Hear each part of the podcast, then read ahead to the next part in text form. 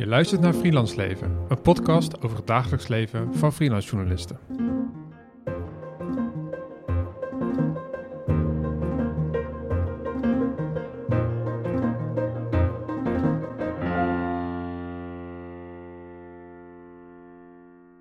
Leuk dat je luistert naar weer een nieuwe aflevering van Freelance Leven. Uh, Erwin en ik uh, zijn uh, afgereisd naar Lisa en Matthijs van de NVA. Hallo.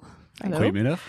Leuk dat we vandaag langs mogen komen op een dag vol actie waarbij er gestaakt werd of een werkonderbreking was bij meerdere krantenredacties en ook bij de tijdschriften. Um, we gaan het vandaag hebben over actie voeren als freelancer en ook collectieve actie voeren. En jullie weten daar alles van. Lisa, even heel kort, kan je jezelf kort even vertellen wat jij doet binnen de NVA? Ik ben Lisa Koetseruiter. Ik ben sinds april 21 in dienst bij de NVA. Daarvoor heb ik lang gefreelanced bij de Volkskrant en ook in die vorm actie gevoerd. En nu help ik andere mensen actie voeren. Ik zeg altijd dat ik anderen help voor zichzelf op te komen. zorgen dat journalisten onder eerlijke betaling in vrijheid en veiligheid hun werk kunnen doen.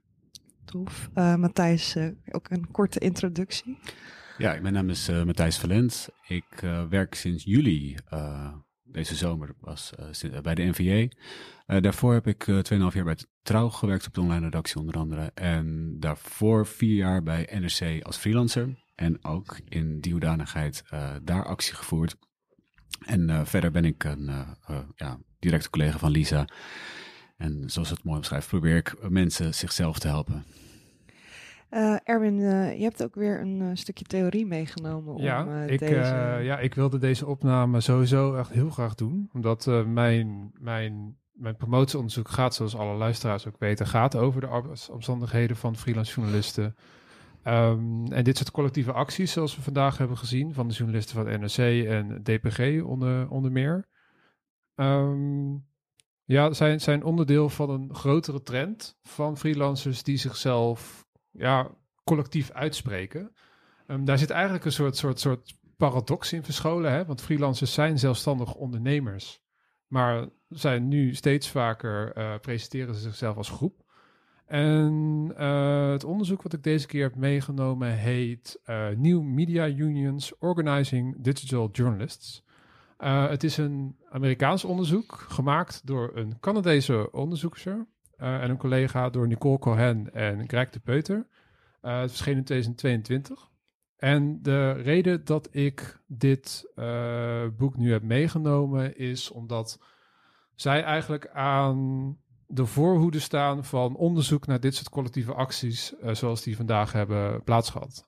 zij zijn een aantal jaar geleden, uit mijn hoofd in 2018, zijn ze begonnen met freelancers interviewen en andere mensen interviewen die werken in Amerikaanse newsrooms. En vooral dan digital newsrooms. Ik denk bijvoorbeeld aan Vice. Uh, dus allerlei newsrooms in Amerika die geen papieren uiting hebben. En wat ik interessant vond aan die interviews is dat ik heel veel uh, structuren die ik nu terughoor in Nederlandse acties, die zie ik terug in hoe zij uh, hun boek theoretisch hebben geoperationaliseerd kan ik een heel verhaal over vertellen, maar dat ga ik niet doen. Ik wil vooral even focussen op één uh, concept, wat als een rode draad door het boek heen loopt. En dat is een culture of solidarity. Uh, Nicole Cohen en Peuter zeggen van... je kan eigenlijk alleen actie voeren als je samen een cultuur van solidariteit hebt georganiseerd. Want als er geen solidariteit is, dan is er geen groepsgevoel... en dan kun je ook niet als groep uh, actie gaan voeren. En een van de conclusies uit hun studie is dat die cultuur van solidariteit, in het geval van journalisten, die ontstaat vooral rondom de gedeelde ervaring dat werkomstandigheden, om het maar heel erg wetenschappelijk te zeggen, niet oké zijn. Uh, en ook als niet oké worden ervaren en dat het niet het, de verantwoordelijkheid is van een individu om per se die arbeidsomstandigheden te verbeteren, maar dat het vooral een gezamenlijke verantwoordelijkheid is uh, dan heb ik het niet alleen over freelancers, maar ook over mensen in vaste dienst en ook natuurlijk over leidinggevenden, uh, om samen te komen tot betere arbeidsomstandigheden van journalisten. Uh, wat Nicole en Greg hebben gevonden is dat dat als een lopend vuurtje, die, die culture solidarity, is dus als een lopend vuurtje door Amerikaanse digitale newsrooms heen gegaan.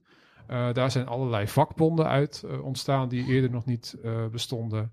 Maar ook nieuwe manieren van denken over wat het is om freelancer te zijn. Dus eigenlijk weg van ik ben een freelancer, ik ben een ondernemer en ik ben daardoor dus volledig verantwoordelijk voor mijn eigen succes of falen. Uh, maar meer dat het iets is wat collectief gedeeld wordt. Dat is even die culture solidarity, dat is even de theoretische fundament, wat ik hier even zo, zo, hup, zo in zou willen werpen. En wat ik vooral ja, waar heel benieuwd naar ben, hè, we hebben nu gezien dat er verschillende acties zijn. Hoe ontstaat volgens jullie zo'n cultuur van solidariteit in de Nederlandse context? Ik kan wel iets vertellen over uh, hoe dit in ieder geval destijds bij NRC is uh, ontstaan. Um, want dat volgt echt tot op de letter het proces wat jij net... Uh, zag jullie ook echt ja. overduidelijk heel hard knikken. terwijl, ik, ik, ik, heb er toen ik later aan, aan bijvoorbeeld aan andere redacties of mensen ehm, moest vertellen van hoe, hoe dat ontstond, toen zei ik van nou, de revolutie is in de kroeg ontstaan.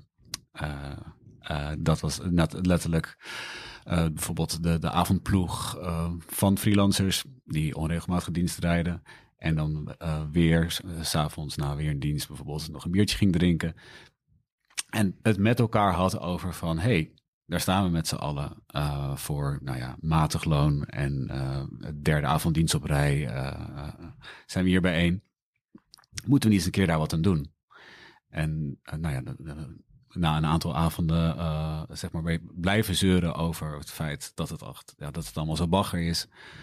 Bij elkaar komen en zeggen: Oké, we gaan er nu wat aan doen. En we beginnen met, uh, ja, klinkt als simpel, maar gewoon een appgroep oprichten. En daar gooien we iedereen in die zeg maar bij deze groep hoort. En mensen die misschien ook sympathiek zijn of op een andere manier betrokken. En we gaan het met elkaar over hebben wat we kunnen doen. Of in ieder geval ervaringen uitwisselen. En ja, uh, voor je het weet, uh, um, een jaar later uh, besluit je in diezelfde appgroep om, om maar gewoon allemaal een dag uit te roosteren. Om even te laten zien hoe een redactie eruit ziet als de freelancers ja, er niet meer zijn. Ja, ik heb gehoord dat het eerste idee was dat jullie allemaal rode shirts aan zouden doen en dat dat wat moeilijker uit te voeren was. Ja, ja dat, was, uh, dat was denk ik deels van dat sommige mensen het stiekem gewoon niet zo zagen zitten om zeg maar een rood shirt aan te trekken. Andere mensen gingen zich visualiseren en die dachten van oké, okay, dit ziet er misschien gewoon, gewoon vooral knullig uit. Uh, mm ja. En, en, eh, Logistiek komt er ook best veel bij kijken. Ja, en toen, en toen moest, uh, begon iemand met zeg maar, het inventariseren van maten. En die was er eigenlijk ook halverwege mee opgehouden omdat het geen doen was.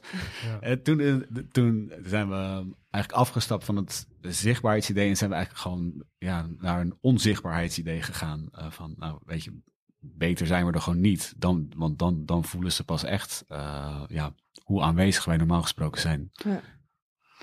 En uh, Lisa, je bent ook actief geweest bij die acties. nou, ehm, niet die staking. Want wat Matthijs vertelt, is denk ik bij ons, bij de Volksland, heeft het echt een duwtje in de rug gekregen van de NVJ. Ik weet dat ik hier volgens mij ook in 2018 op kantoor kwam en geïnterviewd werd door iemand die toen mijn baan had, zeg maar. Die ook volgens mij wist wat er bij Vice speelde en hoe dat daar is gegaan.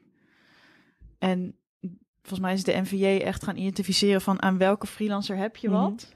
En hoe kunnen we die mensen samenbrengen? En ook wel met hulp van bijvoorbeeld organen als een redactieraad of redactiecommissie, dus van de mensen in dienst. Bijeenkomsten gaan organiseren om freelancers uit te nodigen van wat is nou het gedeeld leed waar jullie iets aan willen doen. En ook wel laten inzien, dan moet je er inderdaad ook zelf iets aan doen. Dan uh, kan je inderdaad heel erg gaan klagen en zwelgen in je eigen misère. Of je kan zeggen van nou, ik kan voor mezelf opkomen, laten we met z'n allen, niet alleen voor jezelf, maar voor iedereen opkomen. Uh, dus, en inderdaad ook een appgroep beginnen. Uh, brief schrijven, brief rondmailen, handtekeningen ophalen. Maar voor mij was heel erg het kwartje van... Toen ik freelancer was, ik kon het voor mezelf altijd goed regelen. Dus dat je altijd wel onderhandelt mhm. als je een stuk schrijft of een video maakt. Maar op een gegeven moment dacht ik, ja, het is wel een sector waar je inderdaad... Alleen als je dat kan, kan je een beetje fatsoenlijk verdienen. En dat is niet eerlijk. Je moet zorgen dat iedereen een soort fatsoenlijke bodem heeft. En ik denk dat het goed is dat de mensen die dat kunnen en dat zich kunnen veroorloven, zich ervoor gaan inzetten dat dat voor iedereen gaat gelden. Dus dat is dat stukje solidariteit ja. ook. Um, dat is, ik, ik, we spraken elkaar kort voordat we de opname ingingen. Uh, vandaag zijn er dus ook allemaal acties geweest. Het is vandaag uh, eh, 30 november. Um, je luistert dit waarschijnlijk iets later, maar uh, kijk dat vooral even terug. Hoe ging dat voor jullie? Hoe was dat om nu te zien? Want het is, ik heb het, ik heb het idee, ik ben nu zelf iets minder actief voor de dagbladen, uh, dat, het, dat er wel een groeiende groep is van freelancers die bereid is om mee te doen bij dit soort acties. Zeker. Ik denk ook dat zeker in het issue wat nu speelt, de freelancers misschien wel voorop hebben gelopen. Ik denk ook weer hier dat uh, duwtje in de rug wel nodig is geweest. Wij als NVJ zijn denk ik al een jaar aan het roepen over koopkracht, inflatie, indexatie, et cetera. En het heeft ongeveer een half jaar geduurd voordat dat kwartje ook viel bij de journalisten. En ik denk dat freelancers wel degene zijn die wiens tarieven al sowieso heel lang stilstaan. En als de inflatie dan oploopt tot 10% en het tarief dat al mager was en lager dan 15 jaar geleden nu nog minder waard, is dat je dan eindelijk denkt van oké, nu ben ik wel zo boos. Nee, komt gewoon niet meer rond. Nu ga ik mijn mond erover open trekken. Niet Ik denk dat uh, net voor veel freelancers die echt door de, door de, ja, door de bodem zakten uh, qua bestaanszekerheid. Er komt een, een, een, punt dat je misschien dan echt denkt, ik heb, ik heb nu gewoon echt niks meer te verliezen. Want of mijn uh, tarief moet omhoog, of ik ben gewoon gedwongen om iets anders te gaan doen, mm. omdat ik anders mijn, mijn huis wordt uitgezet. Ja. En als je ja, toch eigenlijk een beetje, laat zeggen, dat fatalisme te pakken hebt, uh, dan, dan zijn mensen die normaal gesproken echt een bijna ongezonde toewijding voor het vak hebben, ten koste van zichzelf, eindelijk bereid om wel voor zichzelf op te komen. Uh, en wat, wat zegt, volgens mij zijn de freelancers, die zijn sowieso al in de gehele, deze gehele protesten echt, echt een stuwende factor geweest. En een tweede, die solidariteit, um, die kwam ook uh, uit zich ook in het feit dat uh, de freelancers en de vaste werknemers zichzelf elkaar echt vasthielden. En, en, en daar, is, daar is op verschillende manieren is door de, door de uitgevers geprobeerd om het een beetje uit elkaar te spelen. Maar dat, ze heeft echt nergens ook maar een millimeter bewogen. Dus, dus in dat opzicht was het wel, als, je, als je kijkt naar waar we ooit zijn begonnen, dat uh, na de actie uh, iemand verdwaasd naar ons toe, vast werknemer verdwaasd naar me toe kwam van, ben jij freelancer? En is deze hele internetredactie, zijn het allemaal freelancers? Mensen hadden echt geen idee wat er op het bureau na zich afspeelde. Dat is denk ik de afgelopen jaren wel echt sterk ja. verbeterd, dat ook mensen in dienst steeds meer doorhebben wat er aan de andere kant gebeurt, hoe de omstandigheden voor hun freelance collega's zijn, dat dat iedereen raakt en niet alleen de freelancers. Dat als jij eindredacteur in dienst bent en elke drie maanden moet je een nieuwe freelance eindredacteur inwerken, omdat die mm -hmm. zo slecht betaald wordt dat die mensen na drie maanden weer iets anders gaan doen, dan heb je daar ook gewoon last van. Je bent er om met z'n allen een goede krant te maken. En ik zeg niet dat mensen in dienst uh, zwemmen in het goud, maar ja, de freelancers staan wel helemaal onderaan de ladder. En dat zien de mensen in dienst steeds meer in. En die zetten zich ook echt actief erin, ervoor in om te zorgen dat dat beter wordt. En het is natuurlijk ook een. Um, op een bepaalde manier is het een. Uh, als, als, als zeg maar het leger freelancers. Uh, helemaal zeg maar die komen en gaan. groeit binnen, binnen een bedrijf. Dat is ook een beetje natuurlijk een, een, een uitholling van de zekerheid van de vaste werknemers. Want zeg maar de organen waarin zij wel vertegenwoordigd zijn ja, die, die vertegenwoordigen dan relatief minder mensen in het bedrijf. Mm -hmm. Kan makkelijker opzij ja. schuiven als daar een ijs ja, ja, komt. Ja, e- e- exact. En dan, dan, je krijgt gewoon heel erg dan verschillende groepen. Uh, en, en juist door die brug te slaan tussen de twee. Het is ook uh, uiteindelijk... Het balletje is echt vooral gaan rollen toen in geloof september 2019... toen de ondernemingsraad van de NRC... die heeft toen in de Singelkerk in Amsterdam... Heeft een, soort van grote bijeenkomst georganiseerd... waar mij alle freelancers van het bedrijf. Dus ook mensen bij de, de klantenservice of zeg maar andere ondersteunende afdelingen. Die kwamen daar in die kerk bij, bij elkaar. En dan denk van, wauw, je kan, je kan ongeveer denk ik, het land runnen met uh, alle mensen die hier bij elkaar zijn. En toen werd voor het eerst zichtbaar van, van hoeveel mensen, om heel veel mensen het ging. Want zelfs als je het aan de administratie vraagt, uh, ja, dat moesten dan verschillende lijsten gaan combineren om een beetje een idee te hebben van wie nou precies allemaal freelancer was. Wij doen ze altijd alsof ze het niet precies weten, omdat ze dan daar weer problemen mee kunnen krijgen als ze er echt achter komen hoeveel procent van de mensen is dat, dat is. Zijn, zijn daar richtlijnen voor? Nou, ik weet niet. Ik kan me voorstellen dat de Belastingdienst of uh, ministerie SZW er wel wat van vindt. Hm. Hoeveelheid schijnzelfstandigen, maar ja, die handhaven nu niet. Maar wij gokken ongeveer de helft van de krant wordt gemaakt door freelancers. Ja, ja. Ik denk dat Trouw heeft het een keer uitgerekend. Die kwamen op 40%. Die had volgens mij een week lang echt geturfd van wie staat waar met zijn naam. En 40% van die mensen is niet in dienst. Ja, dan is het ook nog uit af te zetten tegen wie zijn dan de freelancers en hoe oud zijn die en waar staan die in hun carrière. Uh, en je ziet toch wel dat een journalistieke carrière meestal begint met een krabbel, niet op een contract, maar op een inschrijfformulier van de Kamer van Koophandel. Hmm. Um, en dat ik wel mooi dat, dat, dat, dat, dat jij dat net zei, Matthijs. Dat, het is heel duidelijk dat er heel veel prospect labor wordt gedaan in, in de journalistiek. Het houdt eigenlijk in dat je, dat je, dat je allerlei werk doet wat, wat weinig betaald wordt, in de hoop dat het uiteindelijk wordt beloond door, ja, door wat eigenlijk, hè? door de industrie. Um, met een baan of met, met bestaanszekerheid of met, met, met ruimte om de verhalen te maken die je echt belangrijk vindt. Maar dat het in de praktijk blijft dat toch wel voor veel freelancers bij nieuwsdiensten draaien. Um, ja, allerlei journalistiek maken die, die ook wel belangrijk is. Eerste lijn journalistiek, maar niet misschien de journalistiek waar mensen van dromen. En ik vind het dan wel bijzonder om te zien, um, wetende hoe erg er angstculturen bestaan op mediaredacties uit de literatuur uh, wereldwijd. Met informele hiërarchieën, uh, weet je wel, met, met eigenlijk bijna een, een militaire organisatiestructuur.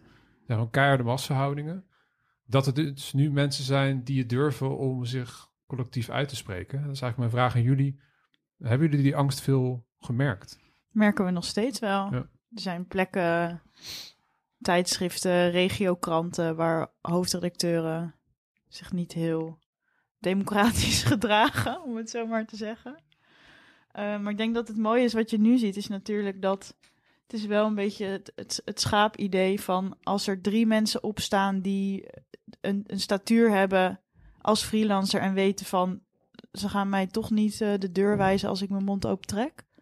Dan volgt de rest ook daar achteraan. Die voelt zich dan veel veiliger om aan te sluiten. Want van die mensen die jij omschrijft, die, die jonge mensen die heel erg bezig zijn met namaken en verhalen maken en inderdaad een beetje hosselen, uh, die zullen niet als eerste op de barricade stappen. Uh, maar gelukkig zijn er anderen die wel verder zijn in hun carrière en dat wel doen en dat voortouw nemen. Maar angstcultuur, ja zeker. Helaas wel. Ja, maar daarom daar- zijn wij er ook.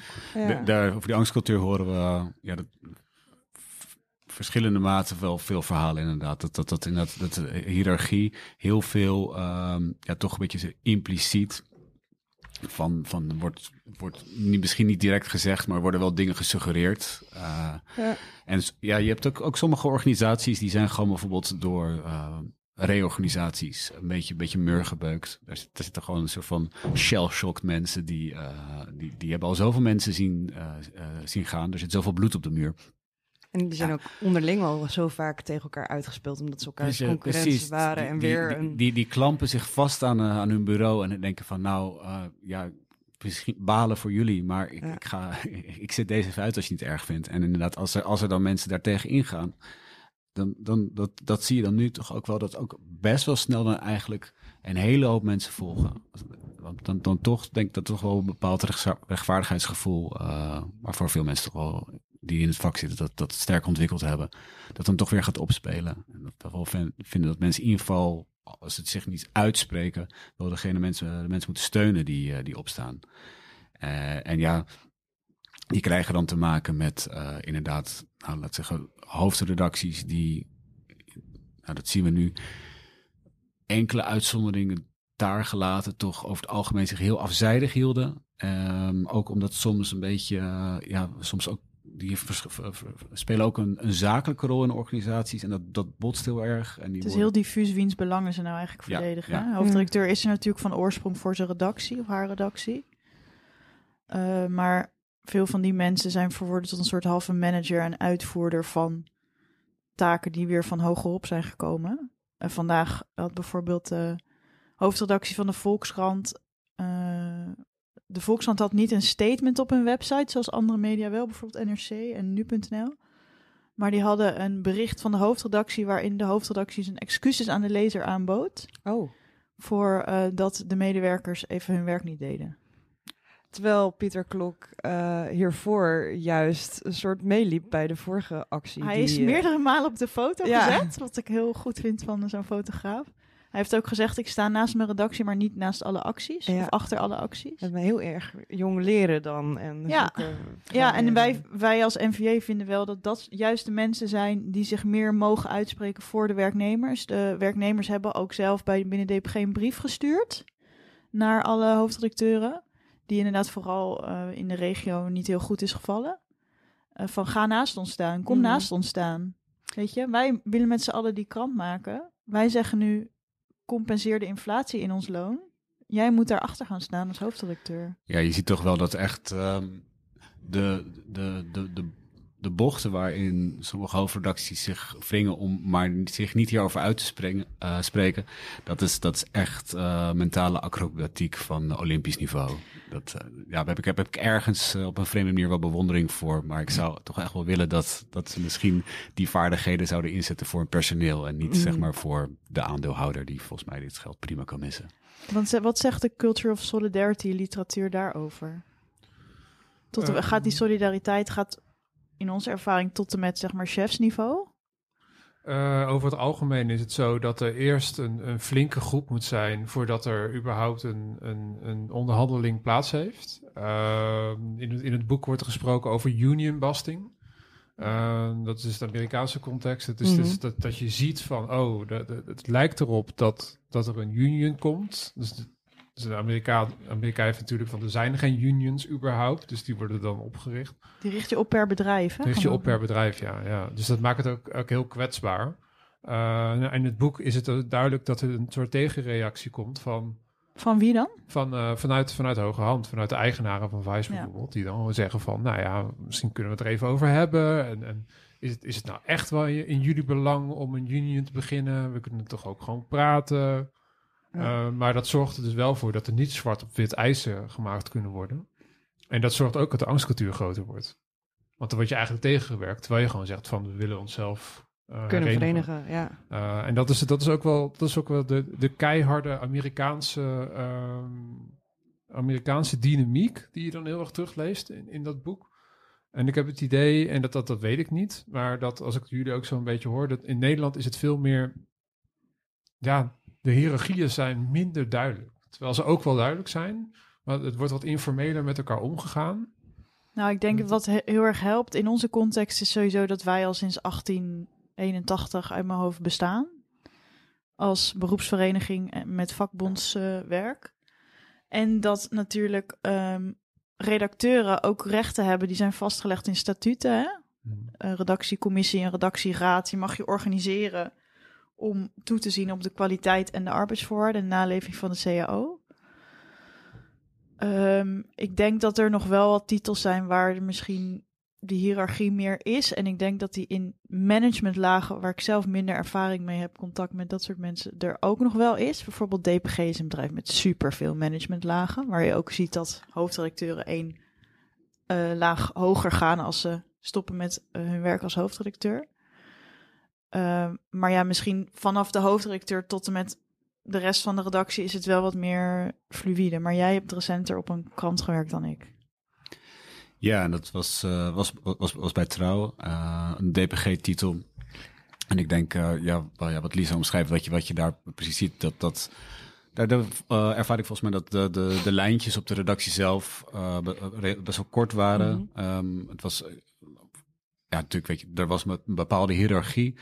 Maar eh, ik ja, had niet het idee dat het snoeihard van bovenaf eh, werd bestuurd. Maar dat is uiteindelijk wel één titel die ja, onderdeel is van een enorm concern. En die valt weer onder een, Ja. een paraplu binnen In- DPG. In België. Ja, dus het is ook niet dat je meteen hier de... Nee, nee, en dat is denk ik ook, dat is ook een deel uh, van het probleem. En ik denk voor een deel waarom het volgens mij nu ook zo aan het escaleren is, is dat de, de belevingswereld van het kantoor in Antwerpen versus die van de redactievloer liggen echt lichtjaren uit elkaar. En, en voordat er ontstaat gewoon daar ergens uh, in zo'n boardroom ontstaat een realiteit uh, die zich eigenlijk erop, die erop toespitst om te rechtvaardigen om 80 miljoen dividend uh, af te romen en, en, en gewoon ja, in een nieuw landhuis te steken. Of weet niet wat ze ermee doen. Ja. Terwijl op de redactie mensen gewoon zeggen van ik kom niet meer rond. En dat, dat, dat, dat die twee werelden elkaar niet ontmoeten. Ja, ik ben ervan overtuigd dat dat een, een deel van de oorzaak is. Door gewoon de fysieke en ja, daardoor ook gewoon de mentale afstand. Dat, Ik wil nog even toevoegen dat ik denk dat die frictie er vooral zit op het gebied als het net over geld gaat. Maar dat een je ziet wel vaak dat hoofddirecteur bijvoorbeeld wel heel erg achter hun mensen gaan staan als het om veiligheid gaat. Ja. Ja. ja. Eh, en vrijheid. Mm. Eh, maar vooral als het inderdaad gaat om de financiën en de lonen of de freelance tarieven, dat zo'n hoofddirecteur dan toch Of, van alles eh, ingefluisterd krijgt. eh, of inderdaad de tijdelijkheid van contracten of vastheid daarvan van boven. En toch eerder die lijn kiest van ja, dit is nou eenmaal het budget. Dan dat een hoofddirecteur zich omdraait en tegen degene zegt van nee, geef me meer of ik kan mijn krant niet meer maken. Ja, dat verschil tussen, de, tussen achter de journalistieke inhoud staan en, en alle risico's die bij het vak horen en de arbeidsvoorwaarden waaronder dat journalistieke werk gedaan wordt, misschien. Dat dat Hmm. een beetje uit elkaar getrokken wordt. Ja, terwijl wij natuurlijk heel erg die link zien. Je kan alleen die kwaliteit leveren Ja. als je ook, om maar weer het woord bestaanszekerheid erin te gooien, woord van het jaar. Eh, als je die hebt, je moet mensen gewoon eh, eerlijk belonen. En mensen moeten gewoon een leven kunnen leiden in, in vrijheid en veiligheid, zonder al te veel zorgen om een goede journalist te kunnen zijn. Ja. Het is natuurlijk ehm, dat, dat bestaanszekerheid aspect. Het, het, het zit subjectiever eh, in, in, in de zin dat iemand kan echt tegen, heel lang tegen het randje zitten. eh, Mm. en, en, en dan alsnog li- ogenschijnlijk goed zijn of haar werk doen. Terwijl, laten we zeggen, inderdaad een, een, een aanval op de vrije pers... als bijvoorbeeld een journalist die belaagd wordt of bedreigd of wat dan ook.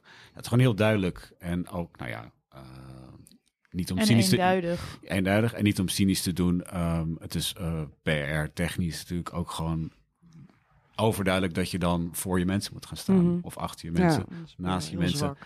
Ja, ja dus, dus, en, en dat, is- dat is heel goed. Ehm, eh, en dat moeten ze ook vooral blijven doen. Want eh, nou, dat is gewoon een, een wezenlijk probleem voor, voor, voor alle journalisten. Mm. Maar dat, dat, dat andere aspect, ja, daar krijg je, krijg je toch wel een beetje van ja, zo slecht heb je toch ook weer niet.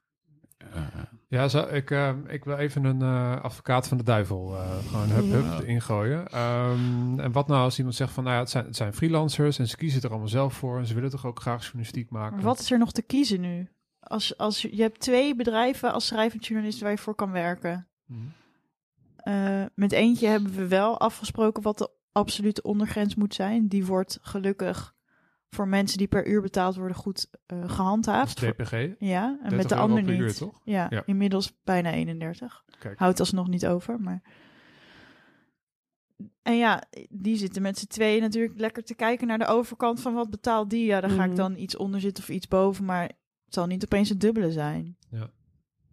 plus het feit dat als je eh, op een of andere manier ooit hebt kunnen vastleggen van eh, ik zet mijn tarief uit 2004 eh, zet ik stil tot in de oneindigheid met de voorwaarde dat jullie me ook altijd dit voor stukken blijven Mhm. betalen.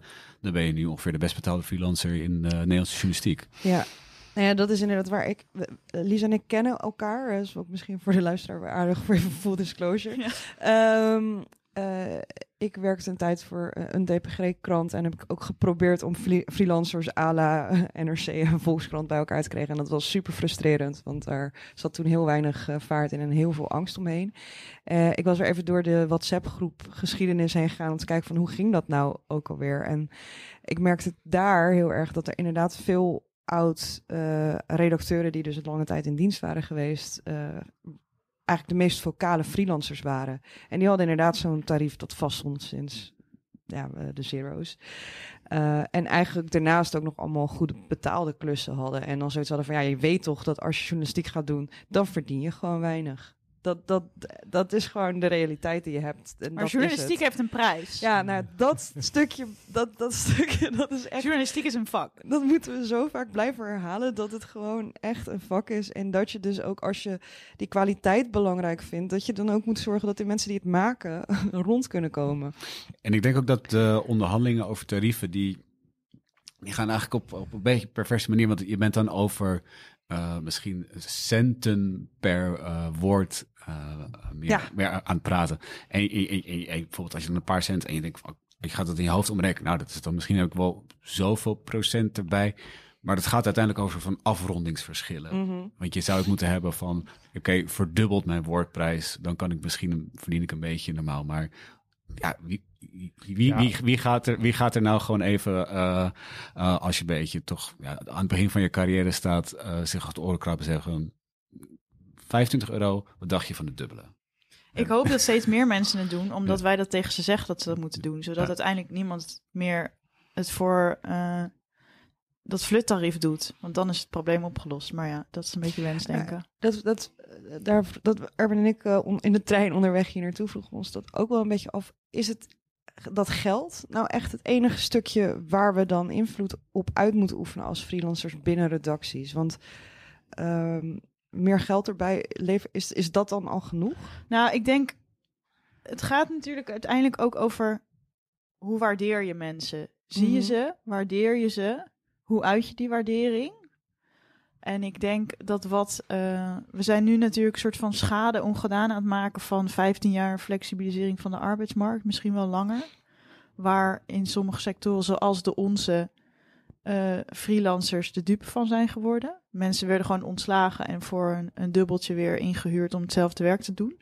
Zonder dat de werkgever hun pensioen, hun arbeidsongeschiktheid, et cetera, Mhm. hoefde te dekken. En zonder dat zij misschien zelf inzagen dat van het bedrag dat op hun rekening kwam, ze niet een fatsoenlijk leven konden leiden. Ik ben even mijn punt kwijt. Nou ja, is, het, is, is, is meer geld erbij de enige oplossing? Ja, het was ook een beetje Nou, open ik deur, omdat dat- ik Ik zelf denk dat eh ervan overtuigd ben dat we meer moeten heel doen. belangrijke uiting is van die waardering. Mhm. En ook dat je gewoon eh, bevestigt, jouw werk is iets waard. Wat jij doet, heeft waarde. Eh, wat, jou doet, waarde- wat jij doet, waarderen wij. Of nou foto's die je maakt, een illustratie, eh, een stuk. Het is niet een goedkope opvulling van het pagina. Het is een, een werk van waarde wat een professionele beloning verdient. Dus daarom gaat het denk ik zoveel over dat geld. Ik bedoel, we hebben met freelance groepen ook eh, dingen besproken met hoofdredacties als... mogen we naar de kerstborrels? Mogen we een gratis digitaal abonnement op de krant? Krijgen we ook een kerstpakket? Dat, zijn, dat gaat natuurlijk over hetzelfde grotere thema... maar dat zijn allemaal kruimels als je het vergelijkt met... ik werk al 15 jaar, schrijf ik recensies... en nog steeds krijg ik er zo weinig voor dat, dat het eh, mijn huur niet dekt. Ja, wat vind je die recensie dan waard? Mhm. als, als eh, krantenmaker, als hoofdredacteur. Plus het feit natuurlijk dat voor, eh, of we zeggen, mensen in dienst is geld natuurlijk, ja, het ook, ook, die, moet- die moeten ook ergens van leven. Mhm. Maar er zijn veel meer mega- mechanismen bestaan er om te zorgen dat die mensen in ieder geval fatsoenlijk betaald krijgen. Eh, natuurlijk, eh, freelancers waren tot voor kort maakt helemaal geen onderdeel uit van, van de CO-onderhandelingen. Maar natuurlijk gewoon elk jaar of om de twee jaar voor werknemers wel alles zo goed mogelijk eh, eh, geregeld wordt. Dus, dus ja, zij, zij moeten natuurlijk ook veel meer op het geld zitten. Want van, van dat geld moeten de, wo- wordt een bepaalde zekerheid eh, moeten ze zelf regelen. die voor werknemers op een andere manier wordt geregeld. Eh, noem, een, pensioen. En daar betaal je natuurlijk indirect ook voor. Maar dat, dat, zit ergens in je contract verborgen. De meeste mensen lezen dat geen eens en denken... ja, prima, ik zie het ergens staan. En ik kom er wel achter op, eh, nou ja, mijn zeventigste of zo. En vergeet niet dat wij ook eh, in dit hele verhaal ook rechtszaken hebben gevoerd tegen DPG met regiojournalisten. En in de rechtszaal ging zo'n opdrachtgever dan opeens zeggen: ja maar, ja, maar jouw foto's, wat leverde die nou helemaal op? Waren dat nou echt goede foto's? Dus gingen ze echt die waarde naar Mhm. beneden praten om de schrale betaling te eh, verantwoorden. te Ja. verantwoorden. Eh, ik ben nog even benieuwd, want eh, de acties van vandaag, ik neem aan, jullie hebben niet, doen niet zomaar een actie, daar zitten ook eisen bij. Hoe komen die tot stand? Want je hebt natuurlijk zo'n hele groep met individuele eigenlijk ondernemers. Hoe, hoe kom je tot gezamenlijke eisen als je met zo'n grote groep eigenlijk zelfstandigen eh, aan het organiseren bent? Dat is best wel moeilijk. de, ehm, ja, dat gaat eigenlijk. ehm, de, de, eh, kijk, dat is een soort van gedecentraliseerde enorme zwerm. Ehm, dat heb je natuurlijk, dat begint bij, bij nou, laten we dus die, die, die genoemde appgroepjes van, ik zeg bijvoorbeeld nu.nl, NRC, eh Volkskrant. Elke titel eh, heeft er een. Eh, nou, daar ontstaat een bepaalde, bepaalde onvrede, of in ieder geval een bepaalde wil. En, en nou, die breng je, breng je bij elkaar als, als NVA. Sommigen uh, sommige leggen zelf contact. En dan hoop je een beetje uh, uit die groepjes zeg maar, afgevaardigd te halen. En die gooi je weer samen in een groep. En nou, die laat je even gisten. Daar komt kom weer. Uh, Mooi dat je dat ja. dan gisteren Dit is, het is eigenlijk, het is eigenlijk best wel, uh, ja, best, best wel zo'n ambachtelijk proces. En nou, daar, daar ontstaat een soort van, van, van, van sterker en helder die idee. Nou, nou, nou, daar gaan wij een beetje op hameren. Daaruit uh, haal je weer een paar mensen en die stop je in een soort van supercomité. En daar wordt echt, zeg maar, worden de, de, de details uitgehamerd. En dan met hulp van of de NVA, andere organen. Uh, of uh, bijvoorbeeld de vaste, vaste werknemers in de zijspan. Dan, ja, dan kun je met een, met een eis komen. En het mooie op zich, of het handige van, die, van dat duopolie is wel dat iedereen ongeveer tegen dezelfde problemen aanloopt. Want er zijn maar twee mensen, twee partijen aan de andere kant van de tafel. Mm. Die zich ongeveer hetzelfde gedragen.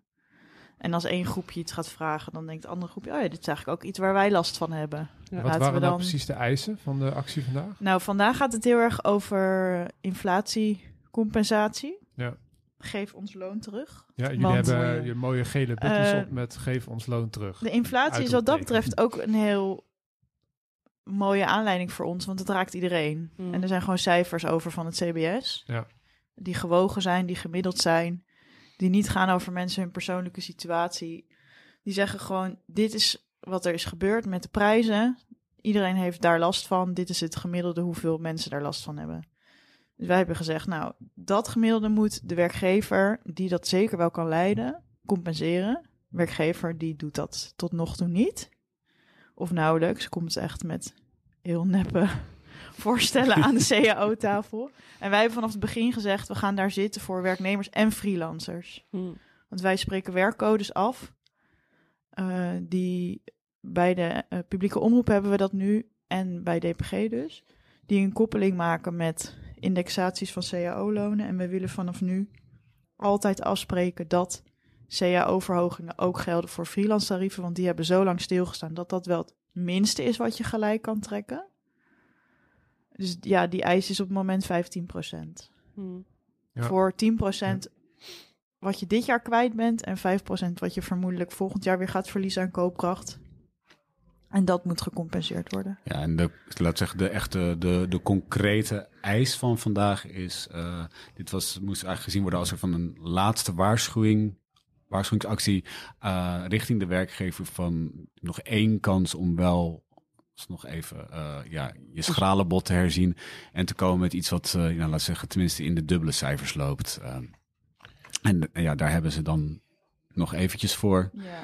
En als, als, ja, als, als daar dan de, de deadline voor verloopt, dan, dan, dan in feite dan kan, ja, kan de fikker in. Wat betekent dat dan, de fikker in? Nader te bepalen. Nader te We bepalen. werken heel agile Ja, Ja. oké. hier bij de FVA. Om, eh, om uh, het Engels dan maar gelijk even over te pakken. Dit, dit, dit sluit helemaal aan bij het idee van de radical responsibilization of the workforce. Radical wat? Responsibilization of the workforce. Responsibilization. En dat betekent eigenlijk dat alle verantwoordelijkheid voor het werk overgeheveld wordt van structuren naar individuen. Um, als je dat dan koppelt aan, als ik dat zelf dan koppel aan het boek uh, van, van uh, Cohen en Greg. Uh, die hebben het over van als mensen in de creatieve industrie, als die in het nauw worden gedreven, dan is het enige wat ze nog kunnen doen is de voice option of weggaan. En de voice option is wat we vandaag hebben gezien. Dat is je stem laten horen. Um, en dat is natuurlijk een heel ingewikkeld iets natuurlijk om te doen. Want, want ik heb ook wel het idee, uh, dat heb ik ook wel uit andere literatuur, dat interviews met freelancers die zeggen van ja, ik ben wel een zelfstandig ondernemer. Dus ik heb wel, ik omarm eigenlijk die uh, radical responsibilization voor mezelf als een soort trots. Zie je wel, ik kan goed ondernemen. Terwijl eigenlijk Welke andere, journalisten hebben ze dan gesproken? Want, uh, dus Amerikaanse oh ja. en, uh, want het is natuurlijk voor journalisten. Wij hebben geloof ik op onze website een thema ondernemerschap, maar we zitten al heel lang van. Volgens mij is dat niet een term waarmee journalisten zich identificeren. Nee, nee het, is, het, is, het is meer een... Als je zegt ondernemerschap, dan, dan heb ik...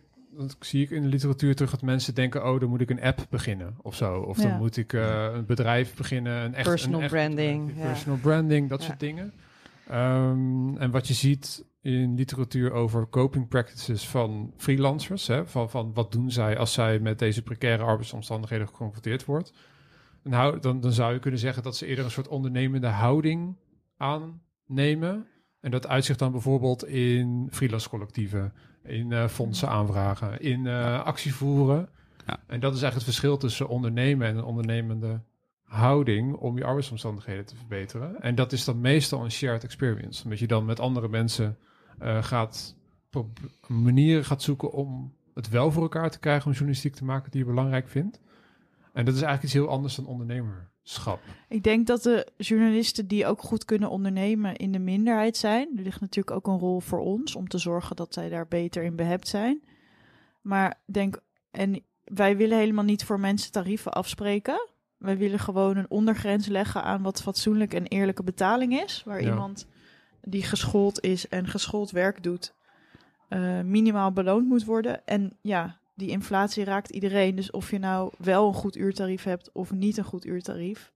Het is allemaal minder waard geworden. Dus in die zin zie je ook wel dat mensen die het voor zichzelf prima geregeld hebben, die niet de bres op hoeven om te zorgen dat ze weer rond kunnen komen, juist ook denken, ja, maar mijn tarief stond ook al heel lang stil. Of mijn Mhm. tarief is ook niet gecorrigeerd met die 10%. Dus ja, ik trek mijn mond nu open. Ik ga wel met een geel spandoek staan. Ja, ik heb al het idee dat, dat, dat, dat, dat loonsverhoging vragen is voor heel veel mensen ingewikkeld en moeilijk om te doen. Ook als je niet in de creatieve taboe om te praten over wat je verdient en, en je geld natuurlijk in Nederland. Ja, En- en het is het altijd, cultuur. bijna altijd een confrontatie met de macht. Want je moet aan de macht vragen van, hey, ik denk dat ik meer waard ben. En maar dat is het nu niet eens, hè? Het is gewoon, ik wil evenveel waard zijn als twee jaar geleden. Ja, Dat is wat mensen nu vragen. ja, Ik wil zorgen dat ik evenveel boodschappen kan doen als eind 2021. Ja. Daar noemen we het ook een, een, eh, een looncompensatie en geen Mhm. loonsverhoging. Want je gaat in feite... Nee, klopt. Je, er gaat niks omhoog. Het is meer, we proberen zoveel mogelijk de schade te herstellen die, die iedereen heeft opgelopen. Voor freelancers is het niet eens loon. Nee, nee. Nee. maar gewoon, ja, een tarief. la- la- laten we het Ja. gewoon eh, ijs, Ja. ijskoude euro's noemen, die, Mhm. eh, die, ja, waar een stukje vanaf is gebroken. En, en ja, je, hebt, natu- je hebt natuurlijk wel een aantal journalisten die misschien inderdaad goed in ondernemen zijn, of nou ja, de, de andere term, zeg maar, het... eh, het- Een ondernemende houding het- hebben. Ja, pseudo-ondernemen. En die misschien inderdaad door het diversificeren van, van opdrachtgevers, eh, ook misschien zeg maar wat, wat klussen eh, erbij, eh, die, die gewoon goed betalen, waardoor ze zeg maar gewoon de tijd en de middelen hebben om goed journalistiek werk te doen. En ook misschien nog toch wel beter kunnen onderhandelen dan, dan de doorsnee journalist. Maar dat zijn dus zeg maar de mensen die ervoor kiezen. En in een soort van enigszins rechtvaardige wereld eh, zouden dit zeg maar de mensen zijn voor wie het freelance speelveld geldt. En de rest van de mensen die zouden gewoon, die daar niet voor gekozen hebben, die zouden gewoon ja, eh, werknemer zijn. Wat we natuurlijk door die flexibilisering hebben gezien, is dat er een heel leger mensen, of die gewoon al in dienst was, inderdaad eruit is gegooid en voor de helft van het geld mochten terugkomen. Of laten we zeg maar de enige manier om dan een, eh, een, een, een, een, mediabedrijf binnen te komen, is via een freelance functie. Dus, dus dat is dat het enige wat ze kunnen. Mhm. En dan is uh, een soort van, ja, die zien de regenboog en aan het einde ligt een contract, maar ze komen er nooit. Is eh, statistisch gezien eh, kleine kans voor degene die nu luisteren. En dat is niet, dat is niet een soort van, dat bedoel ik niet als, als, als een soort van eh, Ontmoediging. omnius donderwolk, maar gewoon realistisch van, als je kijkt hoeveel mensen vaste contracten krijgen ten opzichte van hoeveel mensen journalistiek willen studeren eh, en intrinsiek gemotiveerd zijn, dan is het ja, statistisch gezien niet heel aannemelijk dat je een vast contract gaat krijgen. En het is ook niet de end-all be-all, hè? Nee, zeker Laat dat niet. duidelijk zijn. Nee, En ik- nee. je hoeft ook niet een soort van jezelf als merk in de markt te zetten om een goede journalist te zijn als freelancer. Maar ik denk wel dat veel freelancers iets beter mogen zijn in op de lange termijn nadenken van wat ik nu betaald krijg, kan ik daar duurzaam mezelf mee bedruipen? Eh, en zo niet, moet ik dit dan wel willen doen? Ja. Want Ja, nee ja, is Mark- ook een Mark antwoord. Deuzen, mijn, eh, mijn eh, promotiebegeleider, die zegt altijd in zijn colleges dat hij de meest gehoorde uitspraak die hij van mediawerkers in zijn algemeenheid terugkrijgt, is dat ze zeggen, eh, I can't believe I'm getting paid to do this. Mhm. Maar dat maakt het ook, natuurlijk ook wel heel makkelijk om uitgebuit te worden. Ja. Ehm, ja, afsluitend. Ja, ik heb nog één vraag. I- Ik zie heel veel geel rondom de acties. Eh, ik krijg dan ook wel een beetje dat ik moet denken aan gele bonden. Die dus heel Mm. erg meegaan met eh, de ijsmus. Waarom geel? nog niet Waarom geel? Ik, eh, iemand vroeg mij dit vanochtend ook bij de NRC. En de conclusie die we voorzichtig samen trokken was dat eh, geel een kleur is die in geen enkel eh, krantenlogo voorkomt. Mm. Dus misschien mooi contrasteert. Ik denk in de snelheid der dingen. Moest, het was gewoon op een gegeven moment geel. moest, het- een, beetje, moest een beetje opvallen. Ja. Eh, ik, ik, Tegenover ons blauw misschien ook. Ja, eh, er moet altijd natuurlijk, eh, het leg maar, er, er, er moet, er moet een hashtag komen, er moet een kleur komen, een, een slogan. En dat moet een beetje op elkaar passen. Dus ik, ik, ik, ik denk dat het wel een beetje eh, met, nou ja, het, idee was van dat het moet, moet opvallen. Van je staat lekker allemaal ergens eh, op, nou, op straat of het hangt, hangt, hangt van een, van een balkon af. Het is niet jullie ergeren je groen en geel of zo? Nee, nee, maar het zou, ook, het zou ook kunnen dat misschien iemand een, eh, een, een, een geel gekleurd papiertje of een post-it zou liggen en dacht van, weet je, Let's go. let's go. Ja. Oké, dus geen gele bond. Het is niet dat jullie stiekem ook door DPG betaald worden Ik om dan straks ineens eh, toch akkoord te gaan met iets wat eigenlijk geen prijscompensatie is. Als dat zo is, dan is dat nieuws voor mij. Oké, heel goed. Nee, maar dat, dat We zijn een vereniging Ja. die elk CAO-bod in een ledenraadpleging voorlegt. Ja. Mm. Oké. Ehm, mensen die, eh, freelancers die luisteren en denken, hey, ik zag het hiervoor allemaal wel, eh, maar ik vind het eng. Eh, hoe, hoe kan je op een laagdrempelige manier soort instappen in het actievoeren? Het is ook eng. Het is best wel kwetsbaar. Het mooie van nu is dat zoveel mensen het doen dat het veel minder kwetsbaar is. Ja, eh, zoek je mede-freelancers op. Stop ze met z'n allen in een appgroepje. Ga een keertje koffie drinken. Vraag van, goh, hebben jullie daar nou last van? Ga naar je redactiecommissie, redactieraad. eh, de chef met wie jij contact hebt over je opdrachten. Vraag, wat doen jullie? Kan ik erbij? Zijn er al freelancers? Er wordt nu Sluit je aan bij de. Yes, Ja. Word lid. Ja. Kla- Klamp je vast aan de dichtstbijzijnde eh medewerker in vaste dienst. Dat wil ook nog wel even helpen. En, maar ja, verder, eh, alleen ben je kwetsbaar, maar met, met, met, je, met je groep. sterk. Ja, sta je zeker sterk. Het is wel, het is een cliché, maar het, telkens blijkt gewoon weer dat het waar is. Dus creëer een cultuur van solidariteit. Hey, Ja. mooie conclusie. Ga, ga met je mede-freelancers naar de kroeg. Dan Ja. echt, dan gaat, de rest gaat vanzelf. En als je dat eh, eh, niet kan betalen vanwege alle prijscompensaties die je niet hebt gehad, volgens mij hebben jullie er ook wel potjes voor, toch? Je lidmaatschap bedoel je? Nee, eh, Of de het borrels bier. En, en het bier. Volgens mij, als jullie echt, als je, als je met een Als je een freelancers freelancersborrel hebt, wil organiseren, klop bij ons aan. Er is budget. ja, dus Zeker. Ook voor mensen die dus denken, ik kan het allemaal niet betalen, maar ik wil wel heel graag De met NVJ staat achter je, naast je. Ja, oké. Ehm, dit was dus de soort van een final call. Tegen de tijd dat dit online komt, misschien dat er dan al nieuwe acties aangekondigd Het zijn. gaat heel snel. Eh, dat eh, zullen we in een artikel erbij zetten en misschien ook even in de show notes. eh, Ja, en, eh, want wat was de hashtag? Nog even een Ja. keer. Journalistiek heeft een prijs. Inflatiecompensatie nu. Het moment voor 15%. En geef ons loon terug. Er zijn er, zijn er, ja, er zijn meerdere varianten in, eh, in de omloop. Ja, ik zou zeggen, kies degene die het best bij je past. En, eh, Ja, en we gaan eh, jullie werk en de acties van de freelancers met veel interesse volgen. En dankjewel dat we even langs mochten komen. Bedankt voor ja, graag gedaan. Leuk dat jullie er waren. Dank. Freelance Leven wordt mede mogelijk gemaakt door het Lira-fonds Reprorecht. Mijn promotieonderzoek, dat ten grondslag ligt aan deze podcast, wordt mogelijk gemaakt door Stichting Democratie en Media en het Stimuleringsfonds voor de Journalistiek. Wij zijn er volgende maand weer met een nieuwe aflevering. Tot dan!